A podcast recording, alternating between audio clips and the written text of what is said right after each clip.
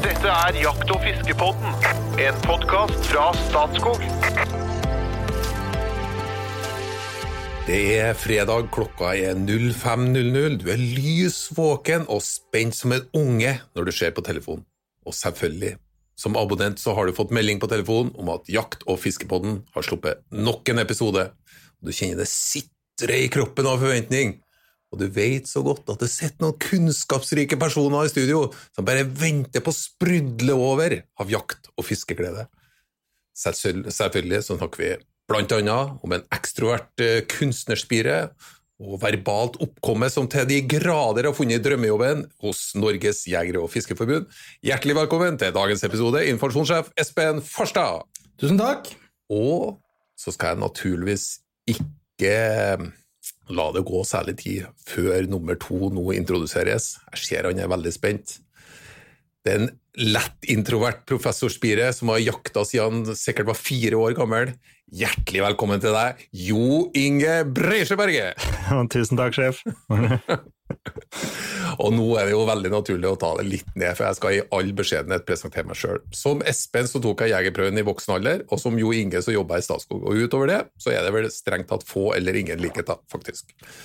Og navnet bak den vakre trønderdialekta, det er Trond Gunnar Skillingstad.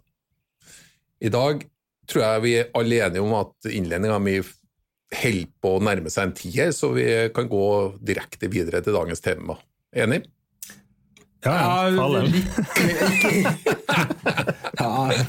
Er er det, er det, du som er så forsker, eh, Jo Inge, er, er dere et litt for ledende spørsmål? Ja. Ja. Nei, men da går vi videre. I dag skal vi nemlig snakke om en fisk som eh, jeg aldri har fått på kroken, og veldig få er faktisk forunt å få det på kroken. Og noen få lykkes med å få gigantiske utgaver av denne fantastiske fisken. Vi snakker om en flyndreart som heter kveite. Mange har spist den, men ikke så mange vet noe mye om den. Men i dag så hører jeg et rykte om at vi har fått en uh, lidenskapelig kveitefisker på kroken. Hjertelig velkommen til deg, Kjetil Skaar. Jo, tusen takk for det. Eh, en lidenskapelig kveitefisker, det, det er faktisk den eneste jeg har hørt fått den merkelappen. En lidenskapelig kveitefisker. Er det noe du bruker mye tid på? La meg si det sånn, jeg, jeg prioriterer i hvert fall, og i den grad jeg greier, så prøver jeg å få en uke i Finnmark hvert år for å fiske kveite. Og I tillegg så er jeg så heldig at jeg bor ved Trondheimsfjorden, så der er jo kveite. og da De som kjenner Trondheimsfjorden, vet at skal du ha kveite i Trondheimsfjorden, så må du nødvendigvis bruke litt tid på det. Eh, Så har jeg også en hytte i Stavern, og de som vet hvordan situasjonen er sørover, vet at du bruker veldig mye lengre tid hvis du skal sitte i Sør-Norge og prøve å finne kveite, men det gjør altså jeg. Eh, Så eh, jeg kan vel skrive under på at jeg bruker mye tid, ja. Det, Ja. det gjør jeg. Mm. Jeg, jeg, jeg, må, jeg, må, jeg må skyte inn her at det var et veldig beskjedent innspark fra Kjetil Skår. For jeg kjenner jo Kjetil Skår. Eh, Jeg har til og med vært med ham på, på kveitefisketur. Eh, Og det er jo bare tull at han bruker en uke i året på dette. Det er andre, året, andre gangen dette året at han kjører bil fra Trondheim til Nørst i Finnmark for å fiske kveite, og dette har du gjort mange ganger, Kjetil. Du er, du er egentlig klin spik spenna kveitegæren, skal vi være helt ærlige. Ja vel. Ja, men ok, det, det er vanskelig å se seg sjøl, Espen. Ja, nei, men det, det er jo derfor vi liker å ha deg med i Jakt- og fiskepodden, for det er, altså, dette er jo en arena for gærninger. Ja. Ja, men da, da passer jeg kanskje inn. Ja. Men det, men det å få en sånn fisk, det, det innser jeg, det må jo, og, og særlig av en viss størrelse, må jo være en, en eh, helt utrolig opplevelse. Jeg hadde jo I mine yngre dager så jakta jeg jo flyndre med spyd på Spillumsstranda. Det var eh, litt mindre, litt mindre fisk. Men hvis vi starter litt enkelt, hvilken type fisk er egentlig kveite? Ja, det er en flyndrefisk. Jeg måtte jo lese litt om da når jeg skulle hit, for å prøve å se om jeg hadde, hadde, noe teori òg. Jeg er jo, jeg er jo eh, sånn biologisk sett i dette sånn, så er jeg jo helt amatør, men jeg syns det er gøy å fiske.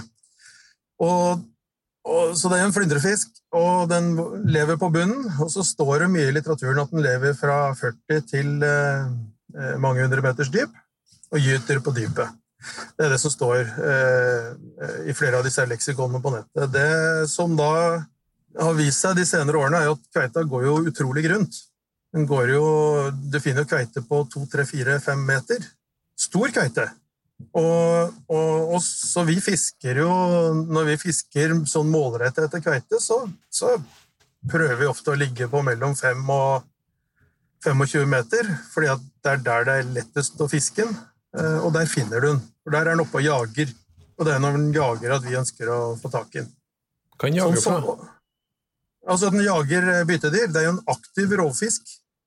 Den er jo du, Når du ser en kveite, så tror du at dette er en slapp sak som ligger på bånn hele tida, og det gjør den kanskje, for alt det jeg vet, men når den jakter, så er den jo skikkelig aktiv og kan gå veldig aktivt etter. Og Det ser, du, det ser jo vi når vi fisker. Vi bruker mye jigger, og da, det vil si at du fisker ganske raskt, egentlig. Og i, sånn som Espen var med, og når man er litt utålmodig og så er vi litt fort, og sånt, så ser du at jeg, jeg, nei, kveita kommer jo jagende opp etter og suser ned igjen. Og da gjelder det å vite hva du skal gjøre da, for, å, for, å, få den til å bite akkurat i den situasjonen. Men, eh, så det var noe av det som jeg syntes var gøy. Altså, jeg, Første gangen jeg var borti kveite, så var det det jeg var ute etter. Jeg hadde prøvd lenge i, i Trondheimsleia innafor Hitra, eller mellom Hitra og eh, Smøla, hvor jeg hadde båten uti der. Og eh, syntes egentlig det var litt kjedelig og begynte å lure på om dette her var noe spesielt for meg. Men så hadde jeg hørt at vi skulle ta og fiske med agn på skaller, som vi kaller det. Altså sånne rygger og kanter. Eh, rundt Smøla-trappa der. Ehm, så jeg hadde noe, noe sei hengende ute fra båten, og skulle egentlig gi meg og begynte å sveive inn, og så smeller det på et eller annet som bare trekker ut 200 meter snøre, og jeg skjønner ingenting. Altså, dette er et godstog. Mm. Så, og da satt jeg med kjempekraftig redskap og diger snelle og kraftig stang. Egentlig veldig overdimensjonert utstyr, men, eh, for det var det man skulle ha. Men eh, jeg ble sjokka.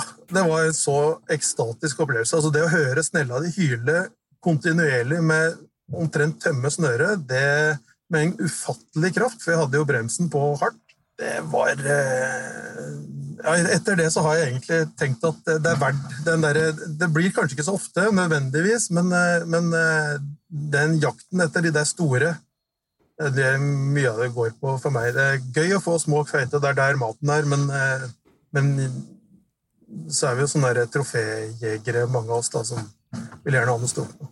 Mm. Jeg, jeg kikka litt om kveita, det, og det er litt spennende det du sier, at, det, at den jakter på relativt grunt vann. For jeg så at den kunne gå opp til 2000 meters dyp.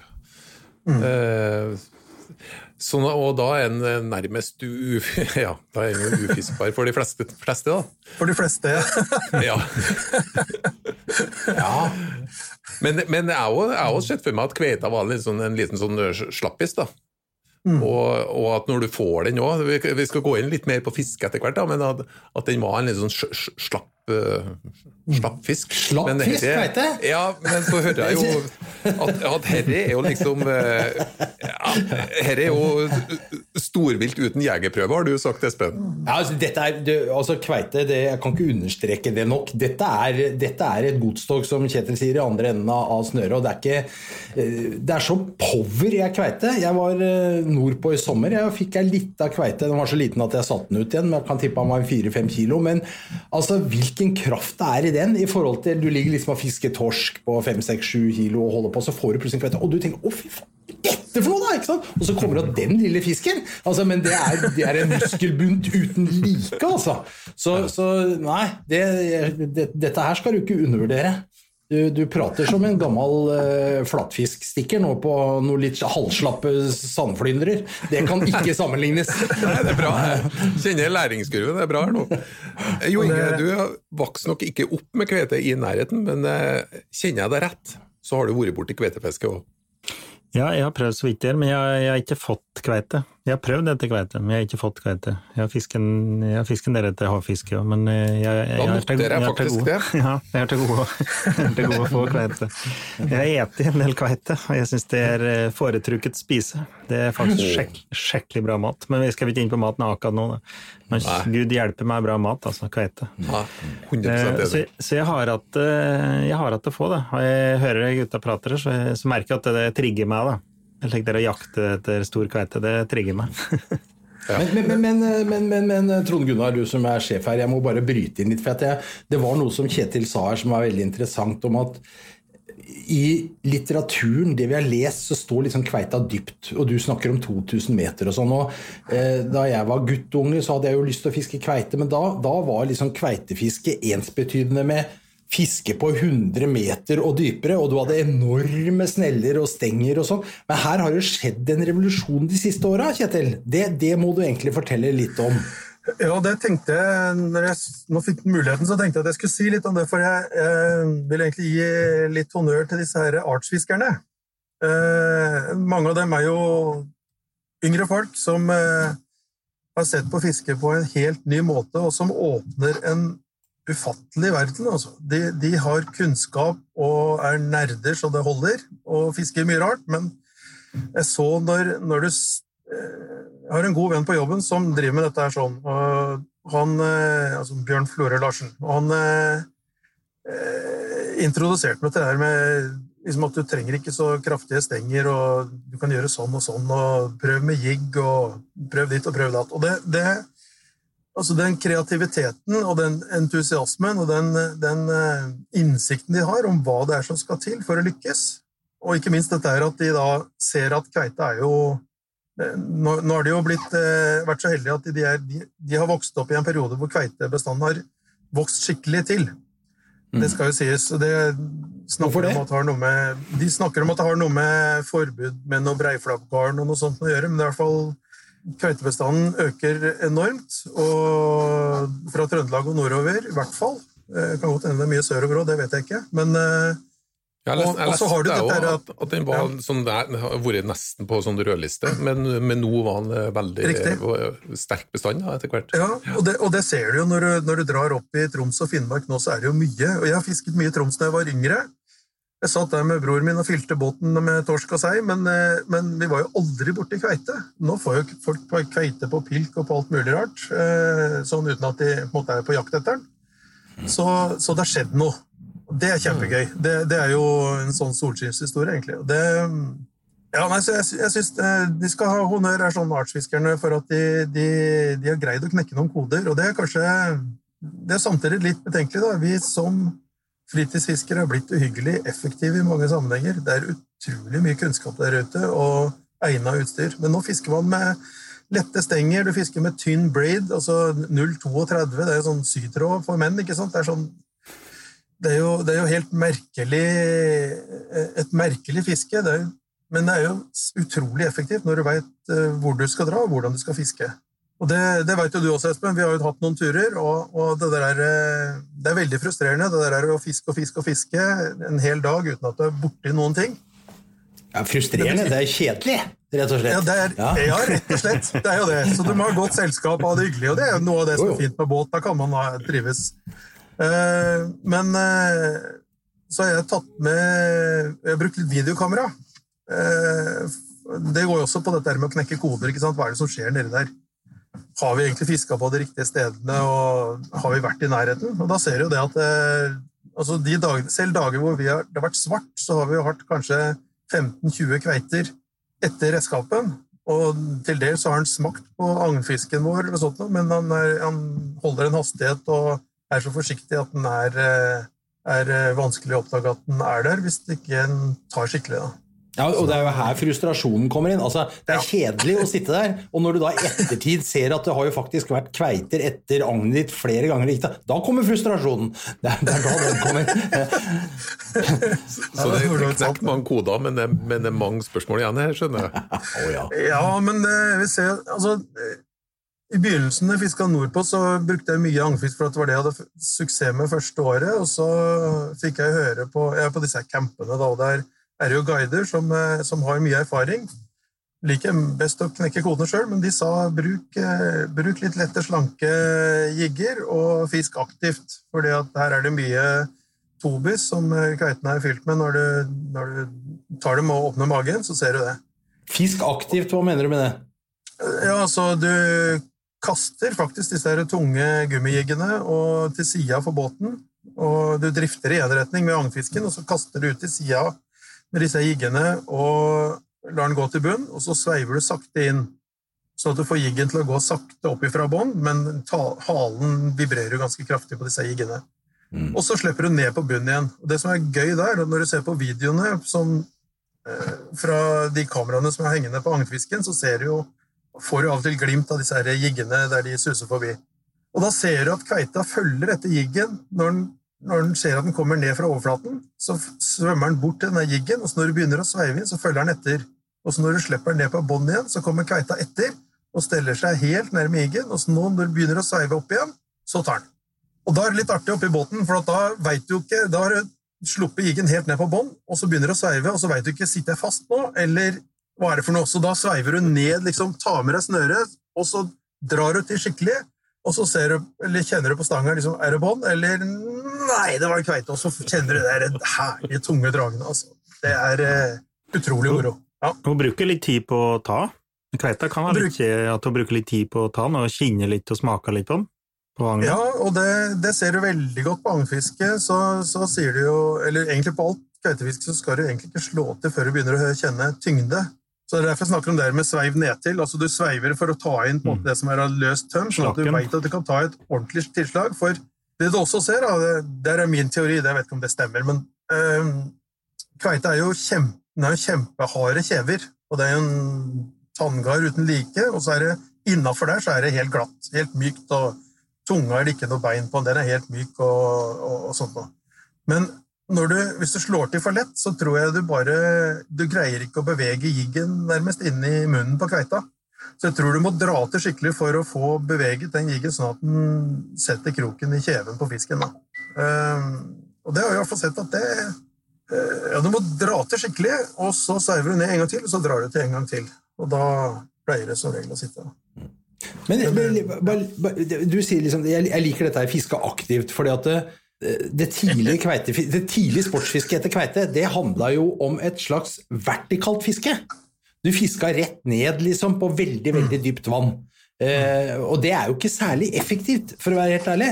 For det kveita er vel i bunn og grunn en slags horisontal jager. Altså Den svømmer jo langs bunn, kanskje litt opp og ned vannlagene, men i prinsippet så jager den jo etter fisk som svømmer bortover, ikke opp og ned.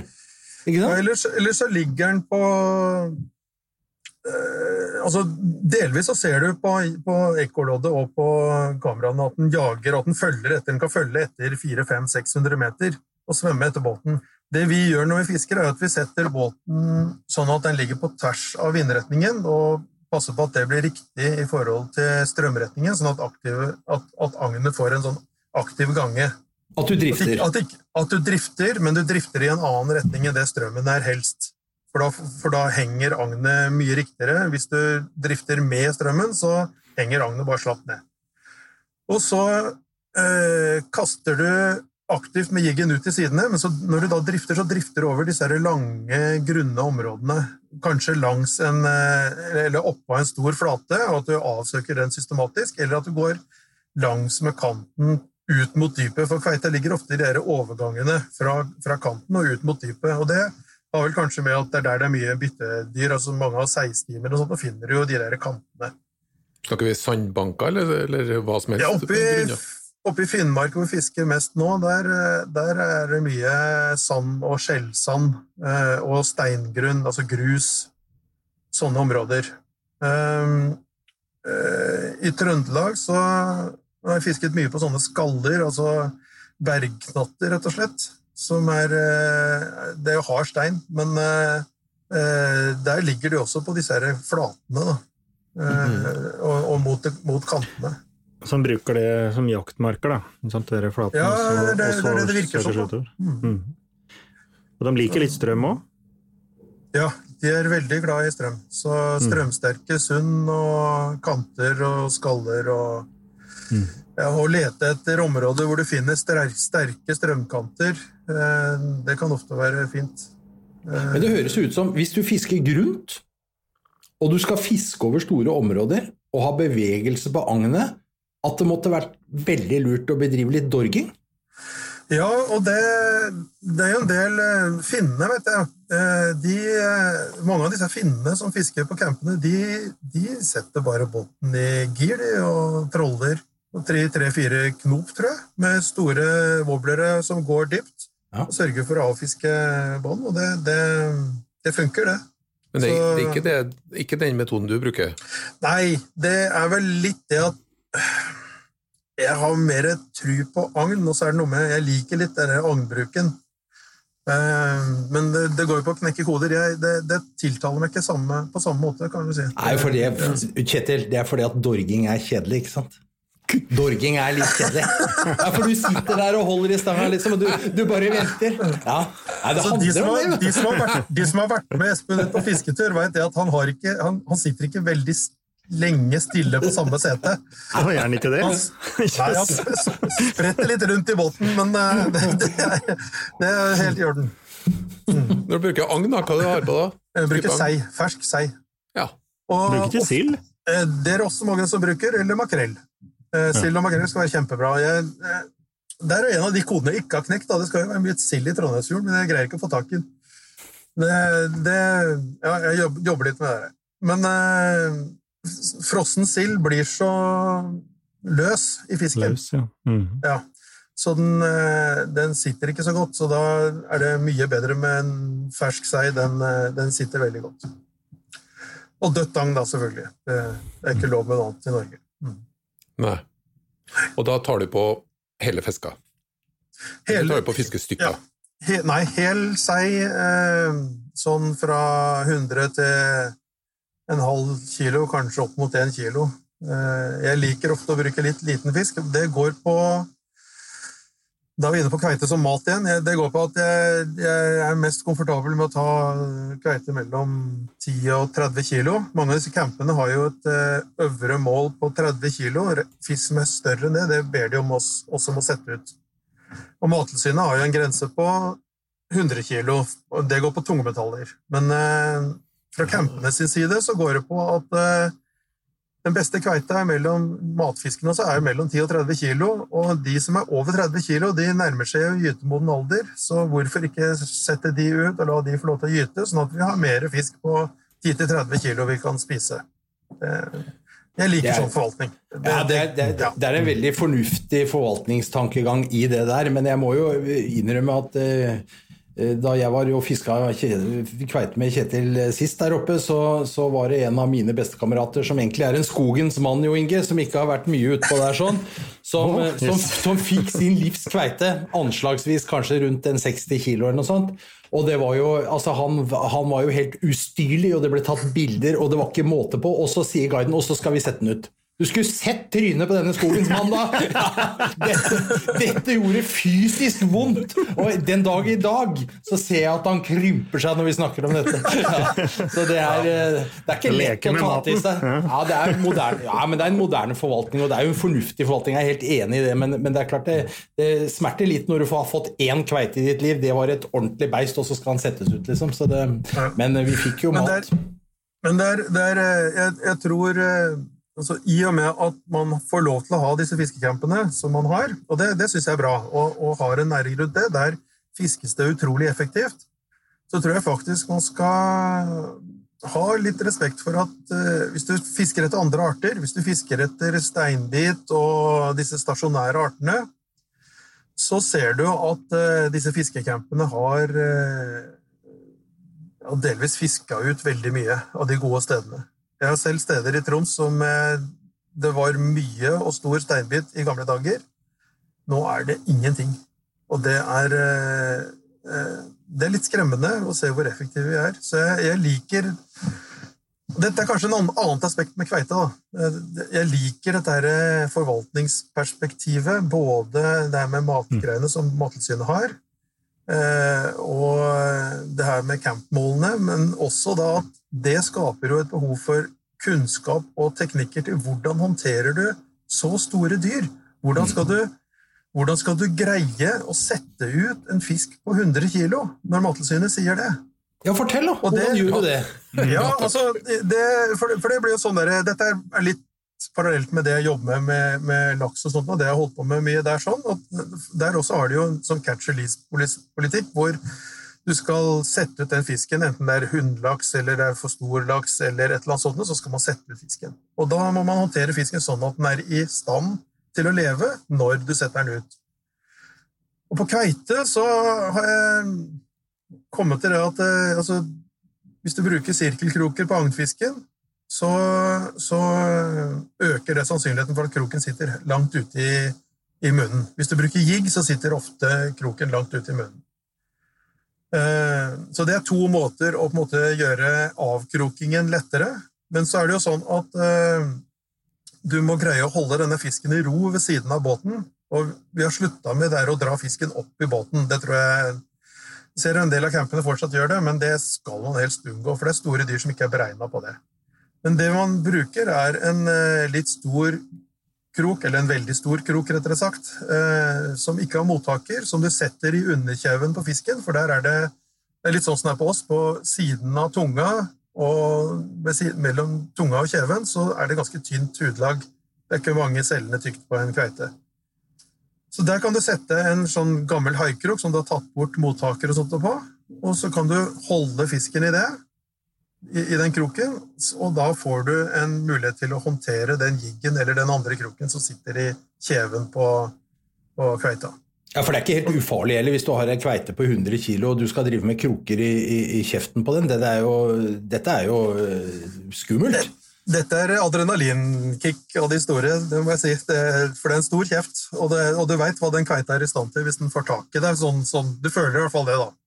Og jeg ser folk som bader med kveite sånn, jeg skjønner ikke at de tør når de bader rundt uh, huet på kveita. Det, men det er sånn, det, det er en annen sak. Men eh, ja, nei, så, så det er en måte å gjøre det på. Og så er det noen som eh, trekker igjennom den kroken, fordi at den kroken er jo en stor, skarp sak, så når kveita Ofte når du setter den kroken, så, så blir kveita litt vill. Og da er det jo 100 kilo kanskje som ligger der og, og virkelig bakser. Og da er det mange som idet de setter kroken, så trekker de den gjennom istedenfor. Så nå har jeg med meg to kroker hvor jeg har tatt bort øyet, og jeg har eh, laga en sånn mest mulig eh, sånn strømlinjeforma overgang mellom kroken og tauet, sånn at jeg kan trekke den og holde den i tauet, og dermed holde, få, få denne tunge, skarpe kroken unna fisken, så ikke den skader seg på den. Ja, akkurat. Så det, det, det skal jeg teste ut nå. Eh, forhåpentligvis. Hvis jeg får fisk, da. Kan jeg bare fortelle en liten historie der, eh, Kjetil, som jeg vet ikke om du kjenner den. Det er jo en glede å kunne tilføre en erfaren kveitefisker enda mer kunnskap. Det, det er nemlig slik at gamle kveitefiskere på Senja, og på, syd på Senja, i Skrolsvika i Senja, der er det faktisk et kveitemuseum. For, for, her er et av de få stedene i Norge hvor norskerenna kommer helt inn mellom, altså i Ansfjorden, mellom Andøya og, og sydspissen på Senja. Så er det veldig dypt. Og der fiska man mye kveite i gamle dager. Yrkesfiske, altså. Så der har man et kveitemuseum. Anbefales å dra og se. Og der, er, der leste jeg at uh, man faktisk da uh, snudde kveita på rygg. For når den ligger med kvitsida opp, så blir den passifisert.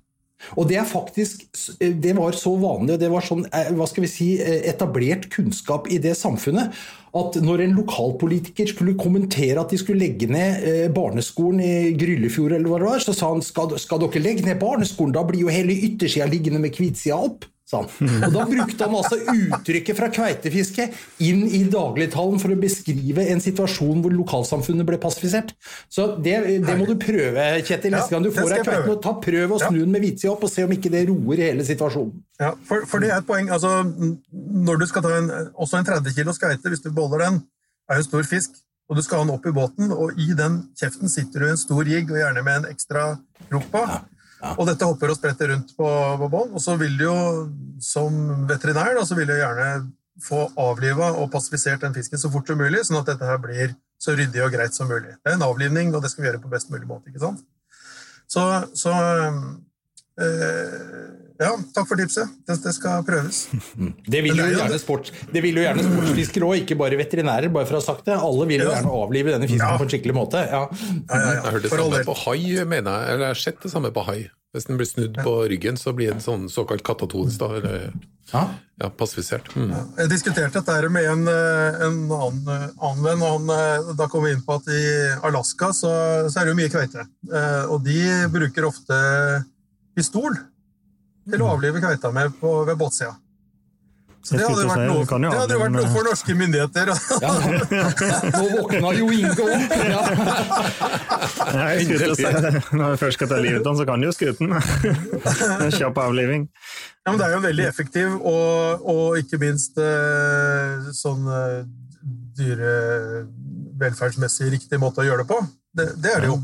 Men det har liksom noen andre aspekter ved seg. Da. Så, ja. Jeg kjente en våpensamler på Finnskogen. Han hadde med seg pistol når han fisker gjedde, så han avliver gjedda med pistol. det er det samme. Men det krever at, eh, det krever at dere mm, kveita er ganske tamme når du først begynner da, med den eh, kroken og skal ha løs den andre, så, så må du være ganske tam før du begynner med det. Det, Ja, det er mye, den- mye krefter her.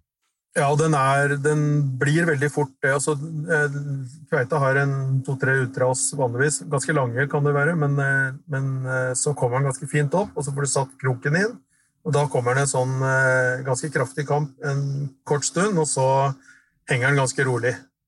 Mm. Og da er det viktig å holde den nede i vann og sånt, sånn at den får lov til å puste. Der, da har jo den brukt alle kreftene sine, så er andpusten. Så, men da, da rekker du å gjøre det du skal. Da får du da kan du holde den kroken der og ta ut den jiggen, og så kan du ta og få målt den, sånn at du veit om du vil beholde den eller sette den ut, avhengig av hvor stor den er. Og da kan du, og få dokumentert det, selvfølgelig. Og da Altså, det, det, det ser egentlig ganske greit ut når du Så lenge du beholder fisken nede i vannet, så syns jeg alt det der er egentlig Sett med mine øyne er en veldig fin måte å gjøre det på. da.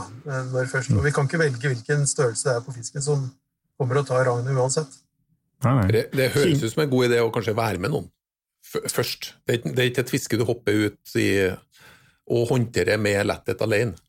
Nei, det Jeg hadde en sånn tur i fjor hvor jeg, hvor jeg dro ut alene i Trondheimsfjorden og hadde egentlig ikke tenkt at jeg skulle få den. Jeg skulle teste litt utstyr og måtte se at alt var greit før jeg skulle nordover. Men jeg, jeg hang jo ut en sei for det, eh, og der smalt det på, faktisk, en kveite, da.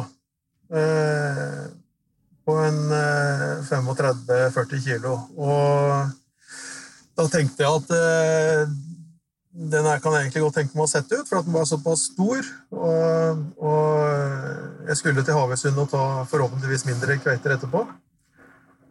Men eh, da ga jeg opp. Eh, delvis fordi at jeg så at kroken etter hvert så, så jeg at kroken satt veldig dypt.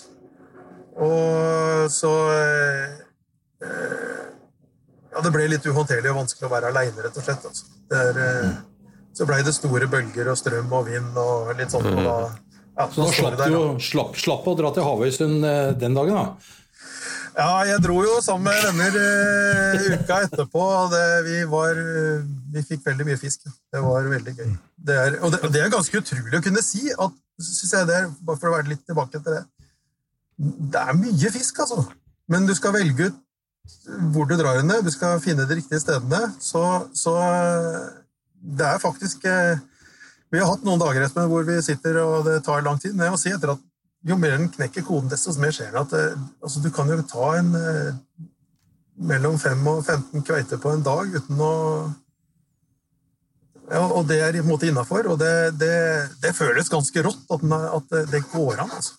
Men for, for, å følge opp det litt, for Du snakka om at artsfisk har liksom brakt mer og mer kunnskap inn, og du, du har kamera ned, sånn at du ser litt på hvordan kveita oppfører seg i forbindelse med agn. Og, men hva er det som gjør at du har funnet ut at du skal fiske akkurat på den måten? Får du aldri noe annet når du fisker etter kvete? Hva er det som gjør at du greier å pinne på et akkurat kvete? Ja. Eh, Når jeg er i Finnmark, så har jeg ikke fått noe annet. I Trondheimsfjorden så har jeg nå, Sist gang jeg var ute, så fikk jeg én pigghå på sikkert, Det var to meter, nesten. Altså, den var svær, syns jeg, da. Det sånn det, var, det var litt sånn eh, Jeg tenkte i all verden, så stor hai i Norge, tenkte jeg, men, eh, men det var det første så store jeg har fått. da. Men eh, så fikk jeg en torsk på 15 kilo, som jeg satte ut igjen, for den var virkelig stygg. Men dette her var jo på 15 meter, altså. Eh, Så, så det var jo grunt. Eh, Og da kasta jeg, så så jeg Når jeg fiska litt dypere senere, så kasta jeg med jiggen for å fiske litt mer aktivt.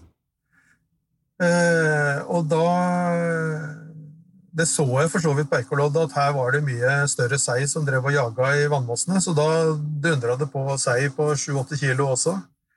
Så det, det I Trondheimsfjorden har vi fått litt annerledes men, men, eh, arter, men, eh, men eh, stort sett på agnfisken så er, pleier det stort sett å være kveita som tar. Altså.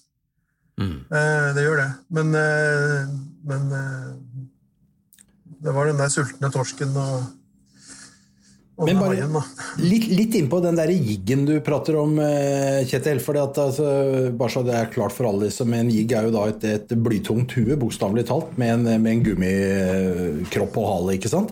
Men, Ja. men, eh, men, eh, Og noen av disse er jo så svære at det er nesten oppskjønt, så du fisker jo med en, en jigg på 500 gram, ikke sant? halvkilo og, og, og sånn. Men de du kaster, de er jo ikke så store. Nei, de er mellom eh, 100 til 250 gram. Eh, Så det krever litt sånn spesielle stenger for å kaste det. Og de, i båt så bruker jeg ganske korte stenger for, å, for at ikke skal, du skal veive rundt med dette sånn. Du må jo være litt forsiktig. Eh, Særlig når det er flere om bord i båten. Men eh, Nei, det er ikke så stort, så eh, og så Når du fisker med agn, så fisker du kanskje på en hastighet på en halv til halvannen knop. Eller ja, noe sånt noe. Uh, og da kommer du ned med disse her uh, jiggene på 100-200 gram. Men det er ganske Men, eh, spesialisert men- men- utstyr. Det er jo et ganske spesialisert utstyr, for du må jo ha en stang som er tilpassa som Altså, det å kaste en jigg på 150 gram, det er jo en Det er jo, en, det er jo ikke noe stingsild på 28, liksom, så du må jo ha et ordentlig utstyr. Og så må du jo ha en snelle som tåler ei kveite. Ja, Og en stang. Ja. ja, og jeg, jeg bruker haspelstenger til, til kastinga. Det går jo litt på at jeg er ikke vant med å kaste så mye med sånn multiplikatorsneller, men eh, eh, litt kraftige haspelsneller, sånn at du har en god brems. Og så bruker jeg disse eh, altså sånn 20-30 pundstang til, eh, til eh, agnfiske. Og da bruker jeg sånn halv kilo lodd cirka foran eh, ja, en, meter med, med, en meter med fortom ut til, til agnfisken. Og så bruker vi og så så skal være spesifikt da, vi bruker 080 scene ned til loddet eh, siste 4-5 meterne for å, for å ha noe som tåler litt gnisning mot enten bånd eller hvis fisken snur og svømmer hardt og sånt. Og så bruker jeg 1,2 mm eh, fra loddet og tilbake til den agnfisken. Og da bruker jeg enten en enkel silkelkrok, eller så bruker jeg en enkelkrok med en trebbelkrok bak der igjen. Sånn at du kan sette den trebbelkroken bak på halen til seien. Og ikke noen, noe, du slu, sa, ikke, ikke sluklåser og ting som kan gå i stykker imellom her, liksom. Nei, og det er også noe det, Du skjønner at det blir nær, men jeg ser når du går i butikken, og så henter du sånne svivler hvor det står at den har en sånn tåler 86 kilo, og sånt, og da skjønner du det at det, det, det ligger nesten en glede i det. Vet du, at du ser at det er en sånn skikkelig kraftig, kraftig utstyr. Men samtidig er det smått og smekkert og, og helt, helt fint å bruke. Mm. Ja, 20-30 punds stang, det er ikke, den er ikke voldsomt stiv, da. Nei, og det Det er faktisk Det- lett jeg- utstyr, det. Ja, jeg brukte sånn 30-50 pund stenger før, men det, det, da mister du jo noe av eh, følelsen når du får tak i disse her eh, 10-20-30-40 kilos fiskene. Sånn at eh, Men det er klart, dere drar på en sånn beist på over 100 kilo. Nå har jeg ikke opplevd det antageligvis eh, siden den første jeg var borti, men eh, jeg tror i hvert fall den var noe sånt. Innbiller meg det. Men eh, eh, ser at de som da er borti sånne ting, da, da bruker du lang tid, og du trenger den ryggen for, for å greie å løfte fisken fra bånn. Altså, rett og slett. De er svære. Er det, er det kjøpbart, det utstyret du snakka om nå, eller er det, må, må man lage eh, ting Nei, nei, nei. som kvetefisker? Alt dette er sånn er kjøpbart. Det er, eh, og, de, og dette er jo ja, Dette har de, alle seriøse fiskebutikker har, på langs kysten i hvert fall, som, som skal levere til sjøfiske, de har sånt utstyr. Men- poenget mitt å, Har med å ikke si det, eh, ja, Ja. poenget mitt med å si det er at ikke kjøp for tungt utstyr, for det trenger du Du, du greier fint å berge veldig stor fisk på det utstyret der, altså. Ja, har bare lyst til å øh, Dette er jo, ikke sant det er jo egentlig, Vi sitter jo og prater om fantastiske fiskeeventyr her. Altså, vi, Du snakker om småkveiter på 20-30 kilo. Jeg sier, Kjære all verden. Altså, det, er jo, det er mange sportsfiskere som sitter og hører på dette nå som tenker at fy fader, jeg skulle gitt mye for å ha vært på en sånn kveitefisketur. Og da har jeg bare lyst til å si at den muligheten har alle. Altså Istedenfor å dra til utlandet, nå er ikke det aktuelt heller i disse koronatider, så da har du kanskje en unnskyldning, men istedenfor å bruke noen 10 000 kroner på å reise til en eller annen dum sydenøy, så skal du altså reise nord i Norge. Her fins det fiskecamper med kvalifiserte, kompetente folk som kan hjelpe deg. Det er, det er helt normalt å leie en guide en dag der som blir med deg ut og viser åssen du gjør dette her. Båtene er der. Eh, utstyret kan leies, eller du kan investere i det, men, men det er liksom, det dette er mulig. Og dette på toppen av en kveitebestand som er, eh, om ikke i vekst, så i hvert fall kraftig og god nå, sånn at det er et godt fiske. Så dette kan alle gjøre. Det er ingen unnskyldning for å sitte hjemme. Og så er det Noen av vegrer seg kanskje for å dra ut på havet litt sånn i sånne båter, men eh, det er mange av disse campene som har veldig bra utstyr. Det er bra båter, de har bra sikkerhet, de har flytedrakter, de, de vet hvordan dette skal være, sånn at folk føler seg trygge. Og sånn som i Havøysund, hvor jeg drar, jeg drar så vet jeg at eh, kystvakta ligger jo, ligger jo der inne også. Det, eh, og, og den herre RS eh, Redningsselskapet. Redningsselskapet. Er. Så det er trygt og fint. Og det er, du må selvfølgelig ta hensyn til forholdene, at du ikke drar ut når det er mye vind. Men og jeg drar ikke ut når det er mer enn en 7-8 sekundmeter. Da holder jeg meg inne, for at det, da blir det ubehagelig. Da, da, er, da mister du noe av sjarmen i de områdene vi er på. hvert. Men så, jeg kan bare anbefale det, altså, for at altså, kveite er jo morsom det er morsomt å bygge kunnskapen og lære seg dette sånn. Og så er det jo kjempeartig å kjøre fisk, selvfølgelig, og spenningen ved det. Og så er det, når du da skal begynne å sløye den, så er den jo Vår Herre må jo ha tenkt på oss når han lagde den fisken her. Det er jo den morsomme sløye. Du kan lage de flotte, svære lomsene med helt beinfritt kjøtt. Det blir nydelige fileter og flotte stykker som du kan sette inn i ovnen. Så liksom den, den ja, nei, det har hele, hele spekteret, syns jeg. Det, det er en utrolig delikat og fin og god matfisk. Den blir jo kalt den hellige fisken. Altså hellefisk kommer jo av den heilagerfisker. Ja, det var, så det var den hellige fisken. Så dette, den har jo alltid vært litt sånn myteomspunnet og fantastisk og, og, og flott. Og ettertraktet. Og veldig søt. Vet du hva en søt uh, kveite heter, forresten? Helledussen. Ja. Oi, oi, oi, oi. Jeg bare måtte,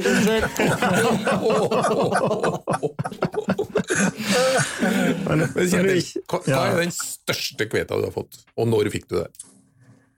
Fortell om den opplevelsen. Onde tunger sier at den var 59 kilo. Eh, Den var 161 cm, ble den målt til. Og i, jeg er sikker på at den var eh, 60 kilo, så jeg, prøver å skryte på meg 60 kilo. Eh, Den var tatt på eh, agn, og det var i fjor. Eh, Så det var en av de større som jeg har eh, fått. Det var ikke den sprekeste nødvendigvis. Og det er litt sant det som du sa, Espen. Altså, selv disse små fiskene Jeg vet ikke om du husker når vi, når vi den turen som du snakka om, eh, hvor han kameraten vår fikk eh, den største, så eh, da dro vi på en fisk inne på fem meter. Og da hadde jeg satt bremsen litt for stramt. Så det å løfte den stangen ut av stangholderen var jo omtrent komplett umulig, og fisken dro under båten, sånn at den kom jo mot motoren og greier. Og da Altså, det spennet som var i den stanga, har jeg nesten ikke vært borti ellers. eller sånn, Den følelsen, i hvert fall. Den litt, sånn, eh, litt panikken over at ting holdt på å gå galt. Det, det er jo noe av det som er deilig også. Ja, ja. ja. Jeg har et Spørsmål til Kjetil. Ja. Jeg er litt opptatt av forvaltning, og, og det, det, later jo til å gå bra med dem. Da. Og de blir jo ganske gamle. De blir jo sendt kjønnsmodne og ganske gamle. Eh, kjenner du til overlevelsen når vi setter dem ut igjen? Går det bra med dem? Nei, jeg vet at Blir de gjenfanget, eksempel? Blir de merket?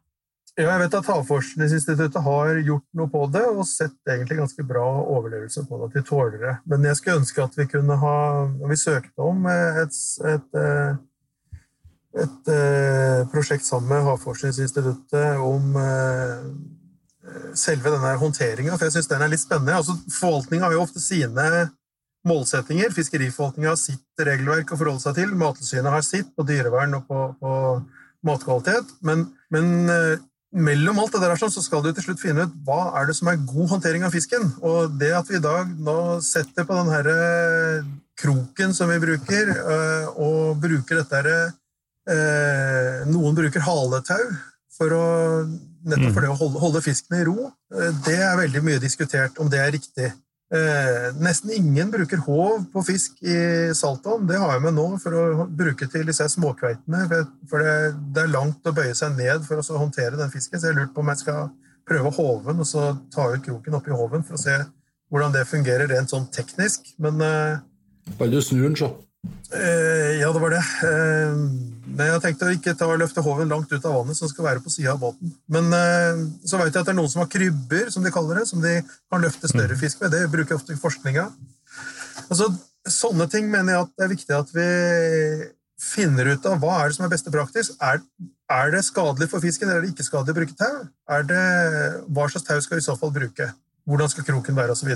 Når vi får det på plass, så kan vi jo si det til campene, og så kan de spre det ut til de som de har med. Og så får vi økt kunnskapen ute i hele befolkninga på hvordan du håndterer hvis du skulle være så heldig å komme borti dette. Mm. Kjetil, hjertelig takk for at du var med oss. Du er jo på tur opp til kveiteeventyr, og så kunne du dele litt av kunnskapen din eh, nå på, på veien. Og det var helt uh, fantastisk. Jeg kjenner jo at uh, jeg, jeg visste veldig lite om kveitefiske på forhånd. Jeg har egentlig bare sett bildene av folk med noen store glis og store beis tatt med seg. Det, det er min kunnskap om kvete. Pluss at det er helt fantastisk mat. Men nå fikk jeg et lite innblikk i, i selve kvetefisket. Jeg tror kanskje at vi skal se om ikke vi skal enda mer inn på ulike kvetetema senere. Dette syns jeg var veldig spennende, og nå fikk jeg også et veldig godt tips egentlig fra Espen. for at det å prøve seg på kveitefiske kan kanskje være lurt å få litt guiding til å begynne med. Og da finnes det gode tilbud, og særlig uh, i indrefileten i Norge, det vi si fra Trøndelag og oppover. Jeg, jeg, slipper jo unna med alt jeg bare, hvis jeg bare holder det gående. Jan Mute, Jan Mute så jeg hørte ikke ja, Det var også mye skurr hos meg. Ja, det var noe skurr på linje. Dere som lytter, hjertelig takk for følget. Følg oss gjerne på Facebook og Instagram. Abonner på podkasten på Spotify og iTunes, og vi vil veldig gjerne ha rating. Det er fortsatt eh, noen millioner som ikke vet om oss, så hvis du har anledning, så må du gjerne spre ordet om oss eh, her i Jakt- og fiskepodden. Før vi avslutter, er du klar? Ja. ja. Kjetil er litt usikker på hva han skal være klar for, men det er da en liten seanse med hot or not. Og Jeg sier da en ting, og så spør jeg hot or not, og da skal det svares kjapt om det er hot eller not. Var du med, Kjetil? Ja. Ja. Mine to kompanjonger de pleier å være litt trege, så du har alle muligheter til å være tidlig ute. Og selvfølgelig så skal vi begynne med den vanlige. Kveitefiske, hot or not? Hot, hot, hot. hot. Ja, hot. Det er litt annerledes enn det kommer nå. Humlehotell, hot or not? Ja, det er hot. hot. Ja, det er hot. Var det tre hot? Ja. Ja, ok. Det har jeg faktisk på hytta. Så det er ja, kjempeartig. Jeg har det på stabburet. Og så tar vi litt svenskinspirert. Fasanjakt, hot or not? Ja, jeg sier hot. Ja, Oi, å, det vært vanskelig, altså. Ja, jeg må, ja, okay, jeg det kommer an på hva du sammenligner med. Ja. For at du har jo den der, altså Sammenlignet med skogsfugljakt, så blir det jo kvantesprang. Det kan vi jo gjøre. Ja, Men, Ikke sant? Nei, jeg, men det er ganske artig. Altså, det, var, det var to hot og en not. Jeg sier egentlig not. Jeg syns dette er litt uh, forfina, og det, hagla blir for høy. Dette er ikke noe Nei. Er det videre. du, er det du som har tweed og sideligger, Espen? Det er så lenge siden jeg har sydd press på nikkersen, så ja. Nei, Det var bra at jeg greide å skape litt splid i forsamlingen, og da skal vi selvfølgelig ha en helt til slutt, som der, der jeg vet at jeg får samling på hot. Og det er da eh, Terje Tyslands legendariske debutplate 'Stakkars klovn', hot or not? Not. Not. Ja, det må bli en not, ja. Det var hot på alle sammen. Takk for, for det. Vi er tilbake neste fredag med en ny episode fra Jakt- og fiskepodden.